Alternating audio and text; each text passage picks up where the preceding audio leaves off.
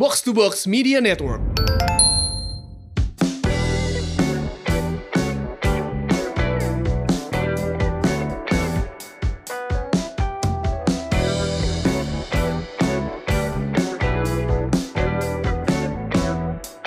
Hai Semurian, welcome back. Dan ini dia podcast Semur Sehat Makmur. Podcast yang mengajak kamu untuk sehat jasmani dan makmur finansial bersama si duo yang serba rusuh, saya Ligwina Hananto dan rekan saya. Halo, ada efek Mario di sini. Hai Mario. Hai Win. Mar, Hey, hey, selamat tahun baru. Hehe, tahun baru Eh, selamat tahun 2021 nih baru. kita. Iya, episode pertama 2021. dan ke mana? Eh, saya liburan ke mana-mana tapi di rumah virtual aja gitu. Gak ke mana-mana gue. Gak bisa ke mana-mana juga ya. Gue ke rumah mertua, mertua gue memang selama Mhm. pandemi tinggal di rumah gue. jadi jadi mertua gue di Bogor. Jadi selama pandemi sama laki gue mertua gue dipindahin ke rumah kami. Terus pas Aha. lagi kemarin tahun baru, oke mari kita menengok rumahnya mama. Jadi satu rumah yang ada di rumah ini pindah ke rumah mertua. Jadi sebenarnya keluar kota sih technically ketemu orang lain. itu itu Iya, aja. iya, iya. Oke, hari Iya. ini kita ada topik yang serius banget dan kita punya Mhm. Seorang tamu. Eh, tamu kita adalah Dr. Rahmat Hidayat SPSK. Ini apa sih dok? Aku pengen tahu. Hai Dok Dai yang paling terkenal di Twitter. dok, apa kabar dok? Halo dok. Baik, baik, alhamdulillah. Dok, Baik, sebentar dok. alhamdulillah. Sebelum kita masuk ke topik yang serius dok. Dok Dai itu pernah ngomong di Twitter. Kalau Pak Terawan lengser akan ada giveaway. Itu udah jalan belum dok? Ya Allah, diingetin. Iya, insya Allah minggu depan, minggu depan saya siapkan giveaway-nya. Kasih bocoran dong dok. Ini pasti Apa dok? mau ujian, jadi habis ujian. ada anak nakal Twitter dikumpulin di podcast yang kayak begini yang ditanyain dok. Penting banget informasi. Enggak, enggak, enggak. Itu bercanda Twitter ada ya, tapi inget lagi. Bisa ada yang inget dong lagi dok, gitu. gila. Oh Tapi pasti dok. Kalau giveaway paling cepet kita. Ada yang serius dok. Yang serius itu adalah betapa em, lagi ada isu soal ketersediaan tempat tidur. Misalnya nih, em, sebelum sebelum yang sekarang lagi heboh di awal pandemi itu kan campaign-nya itu adalah let's flatten the curve, ayo di rumah Iya. aja karena kekhawatiran nanti sistem kesehatan kolaps, kalau nggak ada tempat tidur gimana? Dan waktu itu tuh eh, sebagai orang yang cukup steril di rumah, gue sama laki gue gini nggak bakal lah kejadian kayak gitu. Itu nakut-nakutin aja, Hmm. sempet kepikir kayak gitu Iya. loh. Eh tahu-tahu sekarang kejadian. Em, ini ada eh, situsnya di Dinkes Jakarta yang kalau kita buka, jadi kalian bisa masuk ke Dinkes Ja- Jakarta, itu ada informasi ketersediaan bed rumah sakit Provinsi DKI Jakarta. Rekap, bener-bener yang ketersediaan untuk ICU tekanan negatif dengan ventilator tinggal 10 bed dari 200. Terus ada lagi ketersediaan ICU tanpa tekanan negatif, tanpa ventilator tinggal 7 dari 43. Eh, terus ada yang mengerikan adalah ketersediaan bed OK khusus COVID 0 untuk DKI Jakarta. Beberapa hari lalu tuh sempat ada video yang viral beredar di WAG. Tentu saja kita sumber utama adalah WAG ya, bukan bukan situs resmi. Eh, seorang perawat di UGD sebuah rumah sakit dengan composure yang tenang dan tegas menjelaskan tidak ada tempat tidur. Kalau mau diadmit akan diobati akan dilayani tapi duduk di kursi. Dengan penjelasan kayak gitu tuh in your face banget kan? Karena selama ini orang ya nggak pergi ke rumah sakit nggak tahu kondisinya. Sebenarnya kejadiannya aku tahu dokter kan di Depok ya dok rumah sakitnya ya?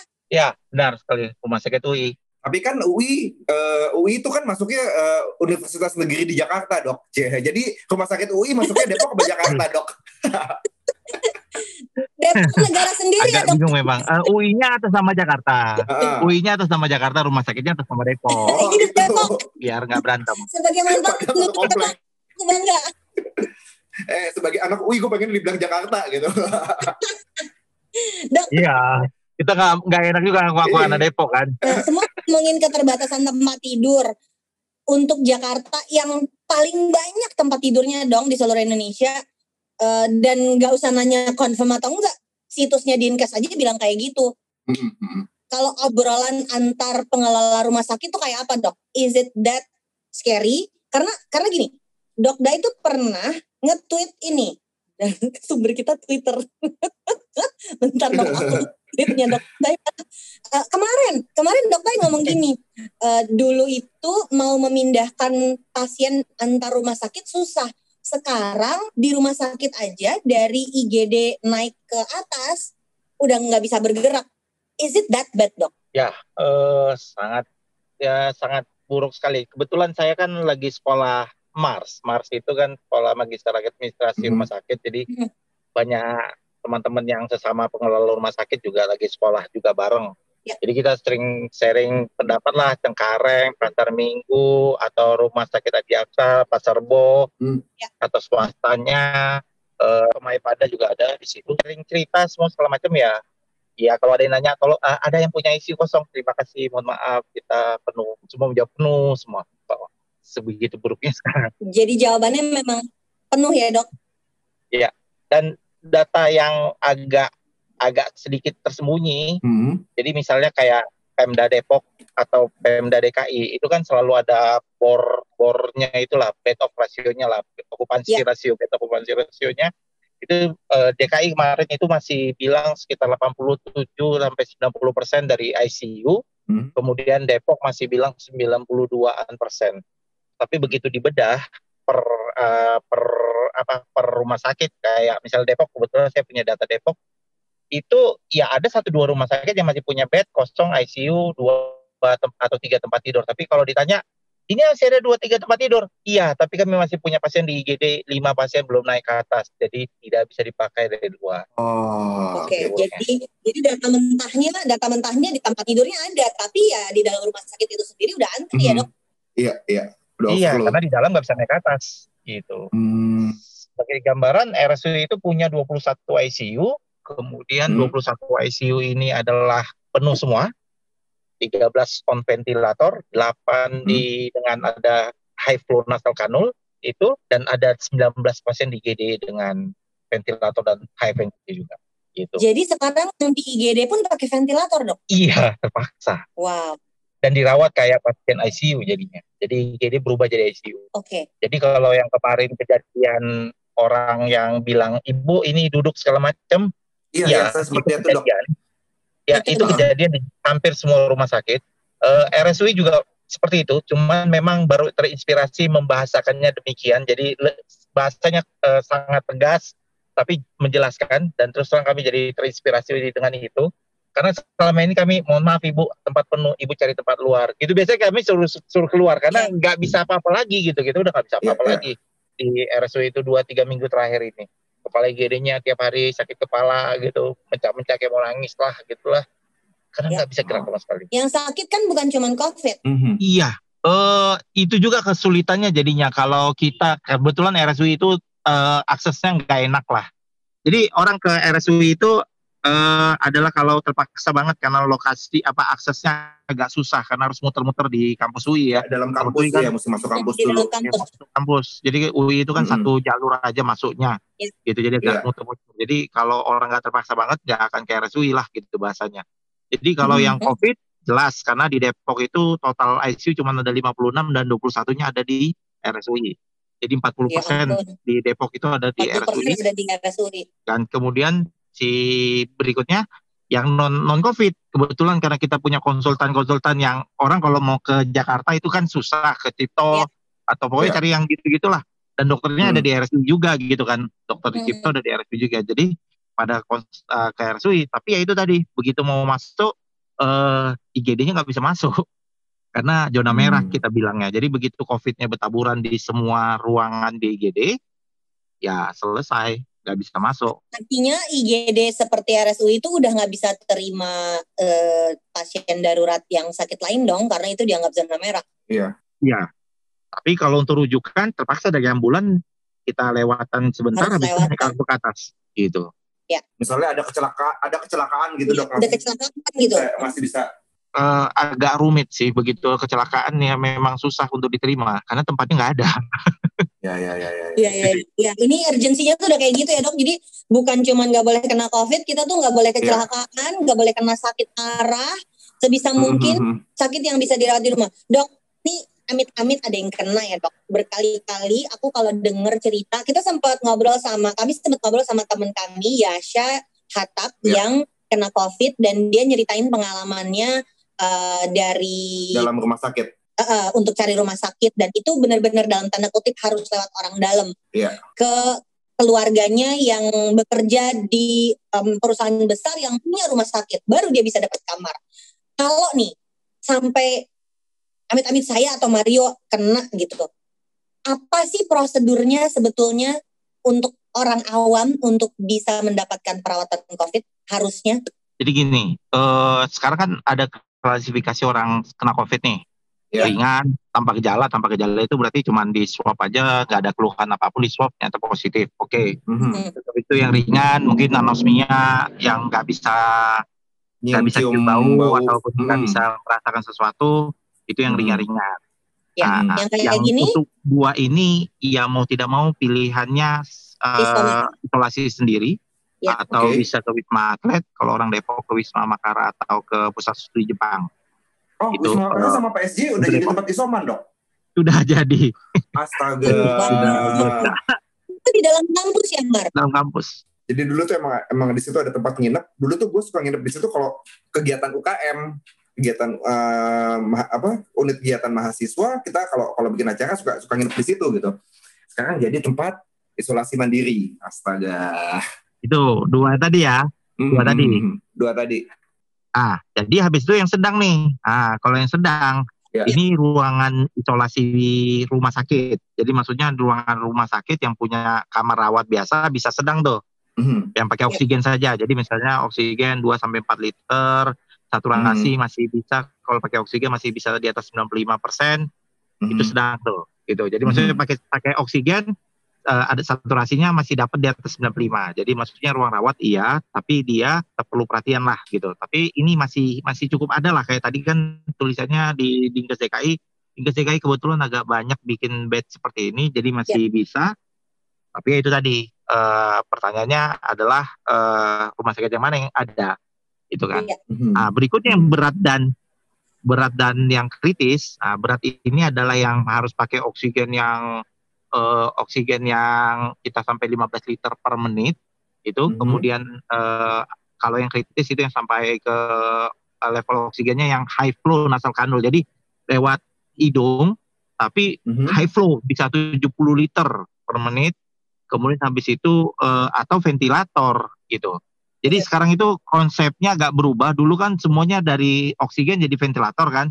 Mm-mm. Sekarang di tengah-tengah ada HFNC yang tadi high flow nasal kanul itu yang agak membantu mengurangi ventilator. Oke. Jadi sekarang dikasih oksigen tinggi supaya jangan sampai ventilator deh gitu. Oh. Ya, jadi dibikin itu yang- transisi lagi, transisi lagi gitu ya dok ya, supaya ketolong. Ya, Karena terbatas sekali ventilatornya. dan ternyata eh, ada teori baru kan. Jadi COVID ini ternyata oksigenasi lebih cepat, lebih dini akan mengurangi pemakaian ventilator gitu. Jadi lumayan kebantu.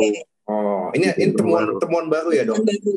Eh, mungkin sudah banyak dipakai, tapi sejak COVID inilah baru kita benar-benar populer sekali memakai ini. Oh, Sebelumnya nggak nggak ba- hampir nggak ada yang tahu pakai ini dan alatnya tidak banyak di, di seluruh Tapi Indonesia. dua itu hanya bisa di rumah sakit dong dok. Pasti karena oksigennya 70 liter per menit.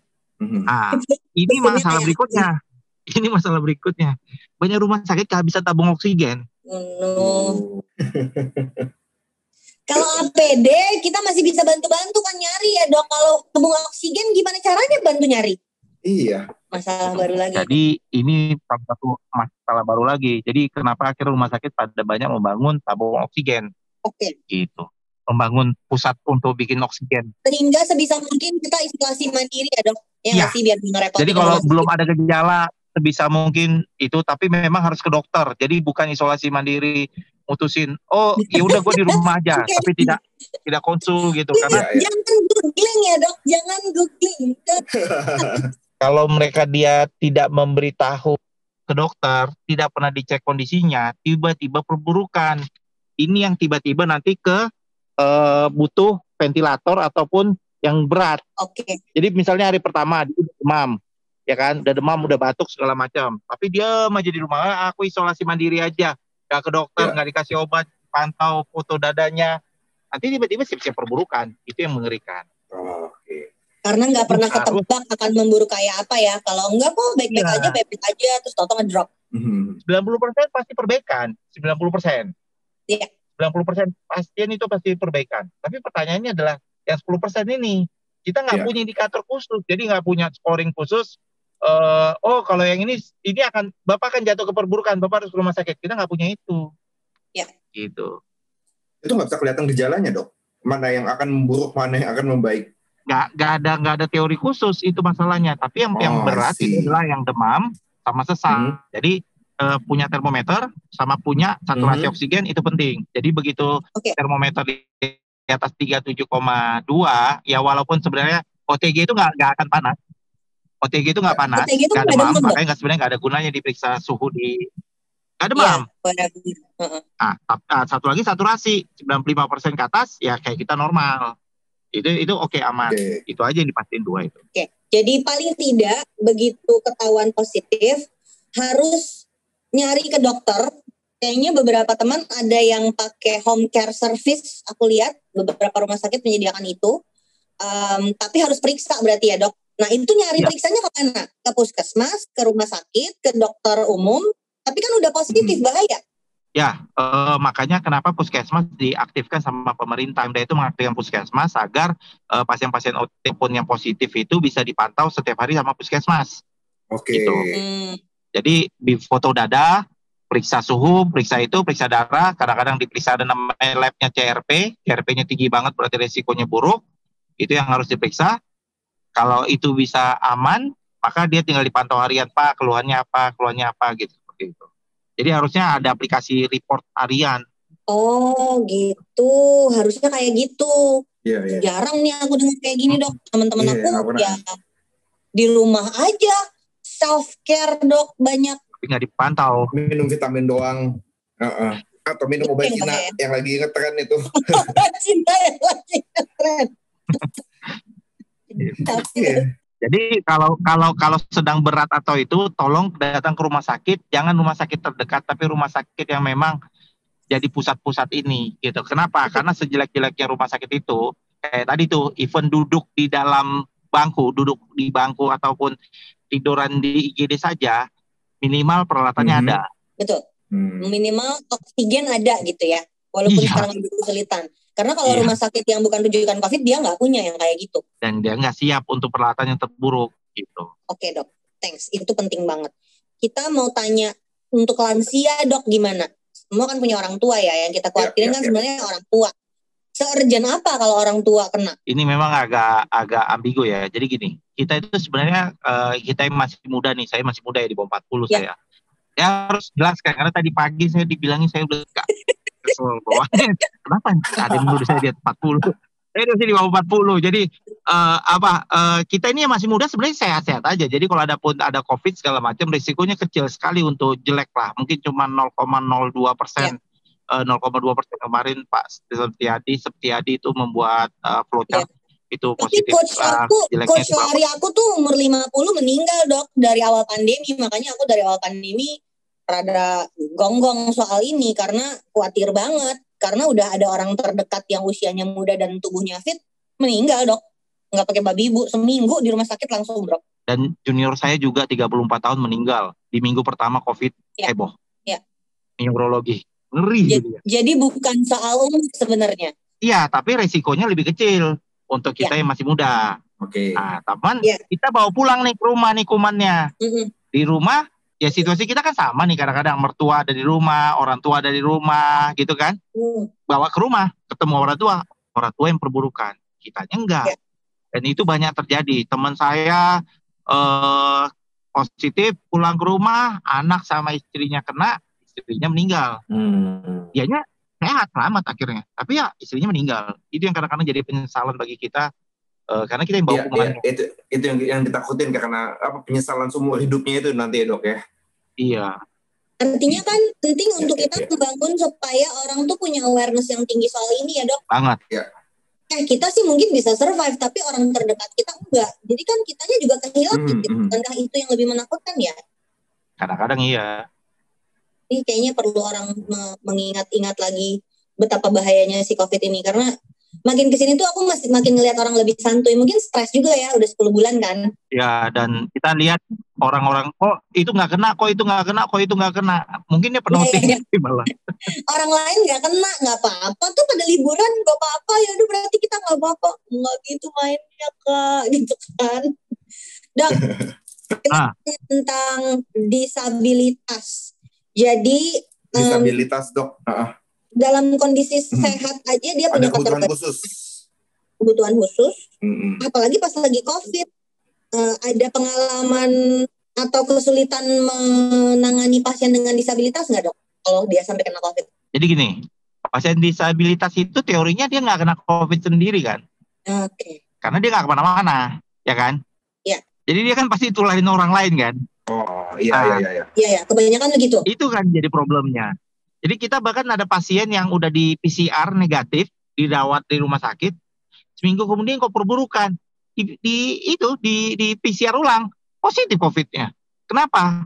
Karena dia nggak ke mana-mana tuh pasien. Tapi yang jagain bola balik ya kita nggak tahu siapa yang OTG.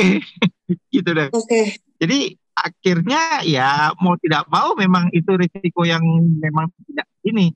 Terus untuk yang sudah jelas disabilitas, eh, kita menawarkan. Jadi kalau di RSUI kita ada pasien disabilitas, kita nggak mungkin eh, di dalam itu perawat ataupun dokter menjaga satu pasien saja disabilitas karena energi kita habis untuk satu pasien Yes. saja nggak mungkin.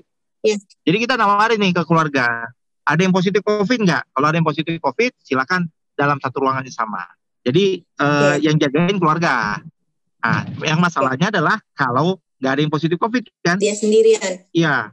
Jadi dari RSUI sih nawarin kalau memang ada yang perlu, ada yang bisa jaga, ayo kita terima pasiennya. Tapi tolong ada jaga, pakai APD lengkap. Kita kasih APD level 3 dari RSUI memberikan eh, jatah. Tapi syaratnya satu, pasiennya apa keluarganya yang jagain harus swab antigen dulu, gitu. Jadi supaya apa? Supaya pasti dulu yang keluarganya tidak positif COVID sehingga dia di dalam harus pakai APD lengkap. Jadi memang Jadi mau mau. kalau disabilitas harus ada bantuan keluarga ya dok kalau kayak gitu. Karena dengan kondisi kayak gini nggak mungkin jagain satu-satu dok. Mungkin. Nggak ada tenaganya. Gitu. nggak ada tenaganya. Ya. So dengan kondisi yang kalau ngobrol sama dok Dai ini udah urgent banget dong berarti dok. Kita Iya, iya. apa ya tadi tadi aku habis nonton rekamannya em, interviewnya Najwa Shihab sama Menkes baru gas. Budi sedikit. Em, dan dan apa ya ya aku kan nggak tahu tentang dunia kesehatan. Jadi pas na- nanya sesuatu Pak Budi tuh kayaknya udah siap gitu sama pertanyaannya sama jawabannya. Bahkan yang dia tidak bisa lakukan pun dia bilang itu belum bisa dilakukan karena prioritasnya bukan itu. Misalnya kayak data data COVID-nya. Tapi eh, beliau menyebut kalau urgensi nomor satu adalah memastikan si rumah sakit ini enggak enggak apa ya nggak penuh terus gitu. Jadi itu yang sekarang lagi diupayakan. Ngelihat kayak gitu, komentarnya dok Dai gimana? Eh, apakah ini sesuatu yang membawa harapan? Apa gimana dok? Jadi eh, Pak Pak Menkes yang baru ini adalah orang lama di urusan COVID ini gitu itu itu dulu yang harus dipahami. Jadi Pak Menkes Oke. ini kan terlibat Baru dalam Ah, yang pusat eh, pemulihan ekonomi nasional itu. Jadi memang udah bicara COVID lah tiap hari istilahnya ngobrol sama si A, si B orang kesehatan udah biasa. Kemudian eh, saya mencurigai sebenarnya dalam tanda petik Pak Menkes ini kan agak terbuka orangnya. Jadi dia memanggil beberapa influencer yang kemudian yang kesehatan yang kemarin ada foto-fotonya mhm. itu saya curiga dikawal sama mereka gitu. Bukan curiga dalam arti sujon, tapi maksudnya eh kadang-kadang namanya orang kok teknik nuklir pinter banget sih ngomongin kesehatan gitu. Katanya. Itu kan Pasti dia udah konsul gitu ya.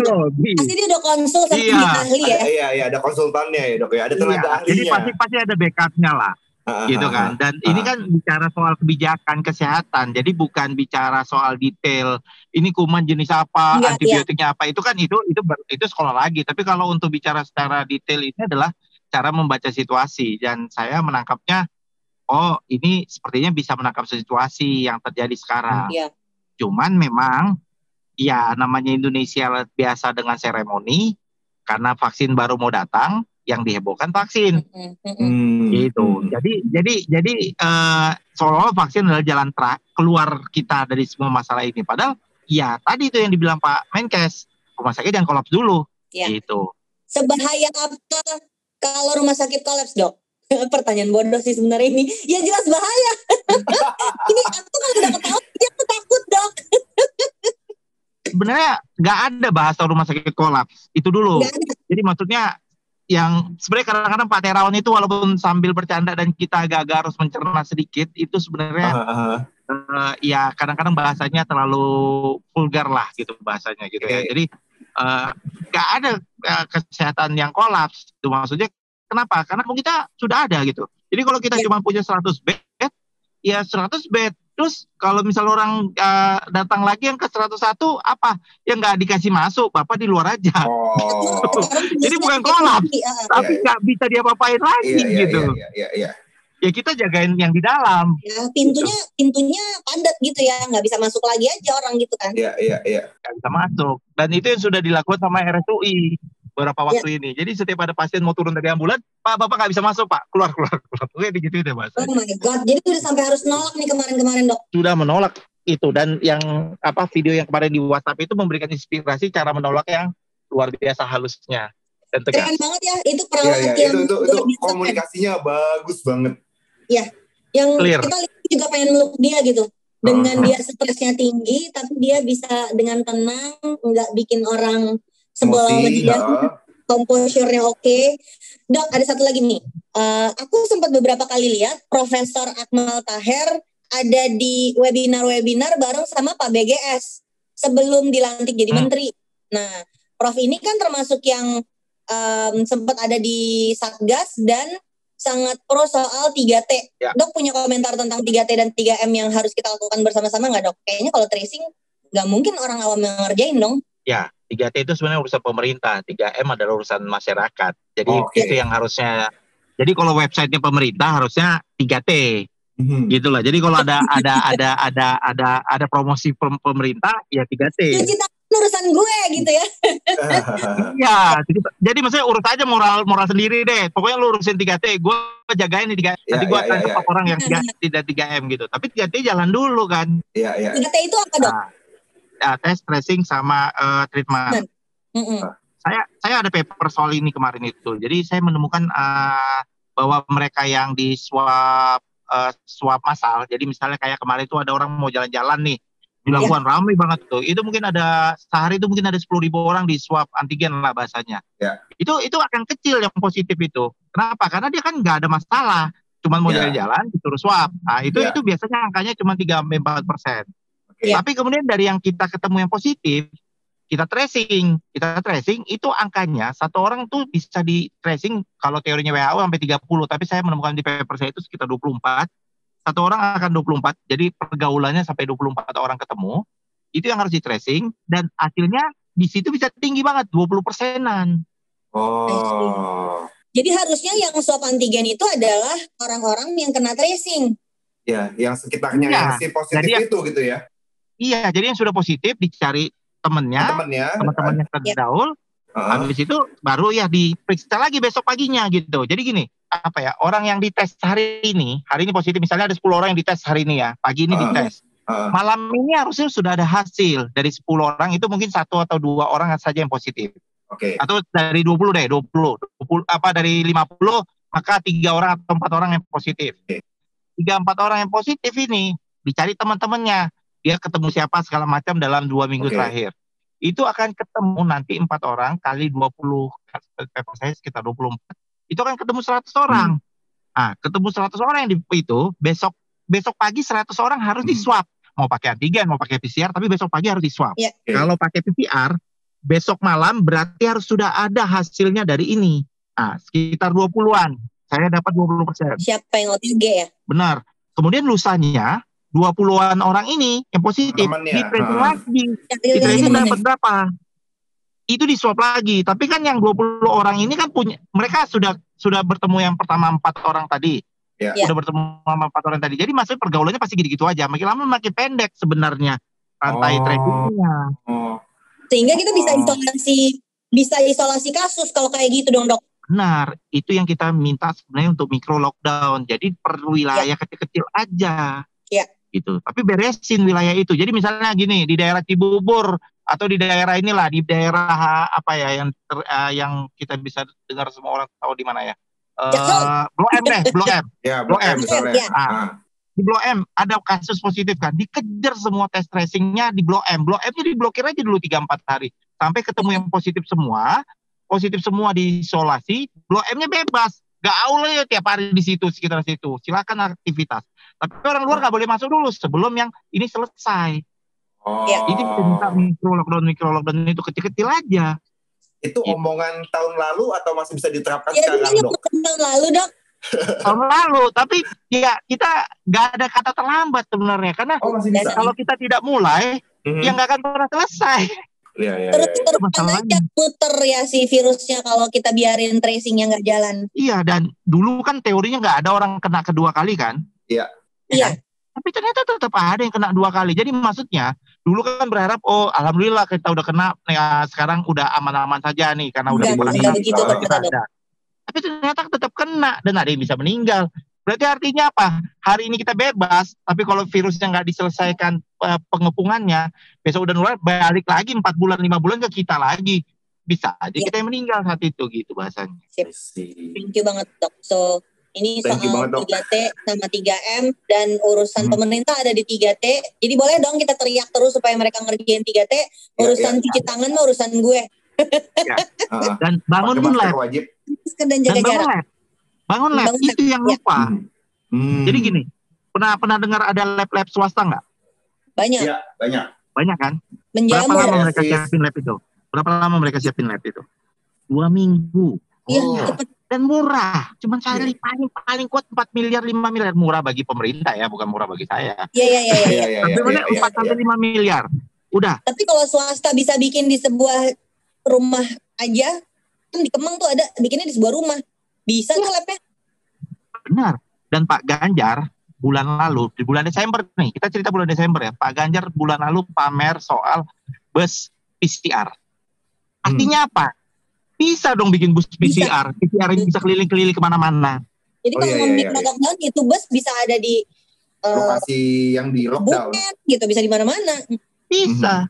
Apa susahnya? Duit pemerintah ada. Hmm. Punya 600 miliar eh 600 triliun budget untuk melakukan eh, pemulihan ke ekonomi dan kesehatan ini Budget itu yang harusnya turun berarti ya. Iya, iya. dan harus tepat. Iya. Super interesting conversation kita hari ini dok. Terima Iya, kasih banyak. Thank you banget, Dok. Untuk berteriak lagi soal 3T. Thank you dok, makasih ya. Thank you, thank you banget, Dok. Sama-sama. Um, dan semoga obrolan kita hari ini bisa bikin lebih banyak orang sadar kalau COVID is real, pandeminya belum selesai, liburan kemarin itu membuka lebih banyak ruang untuk virusnya bergerak, Mhm. yang artinya bahaya untuk semua orang. Rumah sakit Iya. nggak kolaps, rumah sakit cuma nggak ada tempat. Ada jadi sebenarnya bahaya kalau ada sakit. Uh-uh. Yang bahaya tuh kalau sakit kita udah nggak ketolong. Yang bahaya harusnya itu yang bikin kita mikir. Iya. Kasih dok. Thank you, thank you, Dok. Oke, itu semurian obrolan sama Dok Dai tentang kondisi fasilitas kesehatan kita, eh, tenaga kesehatan kita kayak gimana. Eh, nyeremin, tapi ya itu harusnya bikin lo sadar untuk terus melakukan 3M. Kayak tadi kita udah obrolin, 3M tuh urusan kita masyarakat, 3T urusannya pemerintah. Masing-masing ngerjain tugasnya masing-masing. Saya FX Mario bersama rekan saya Saya Ligwina Hananto. buat apa sehat tapi nggak punya uang, buat apa makmur tapi sakit-sakitan. Live long and prosper. Bye. Bye-bye, bye-bye.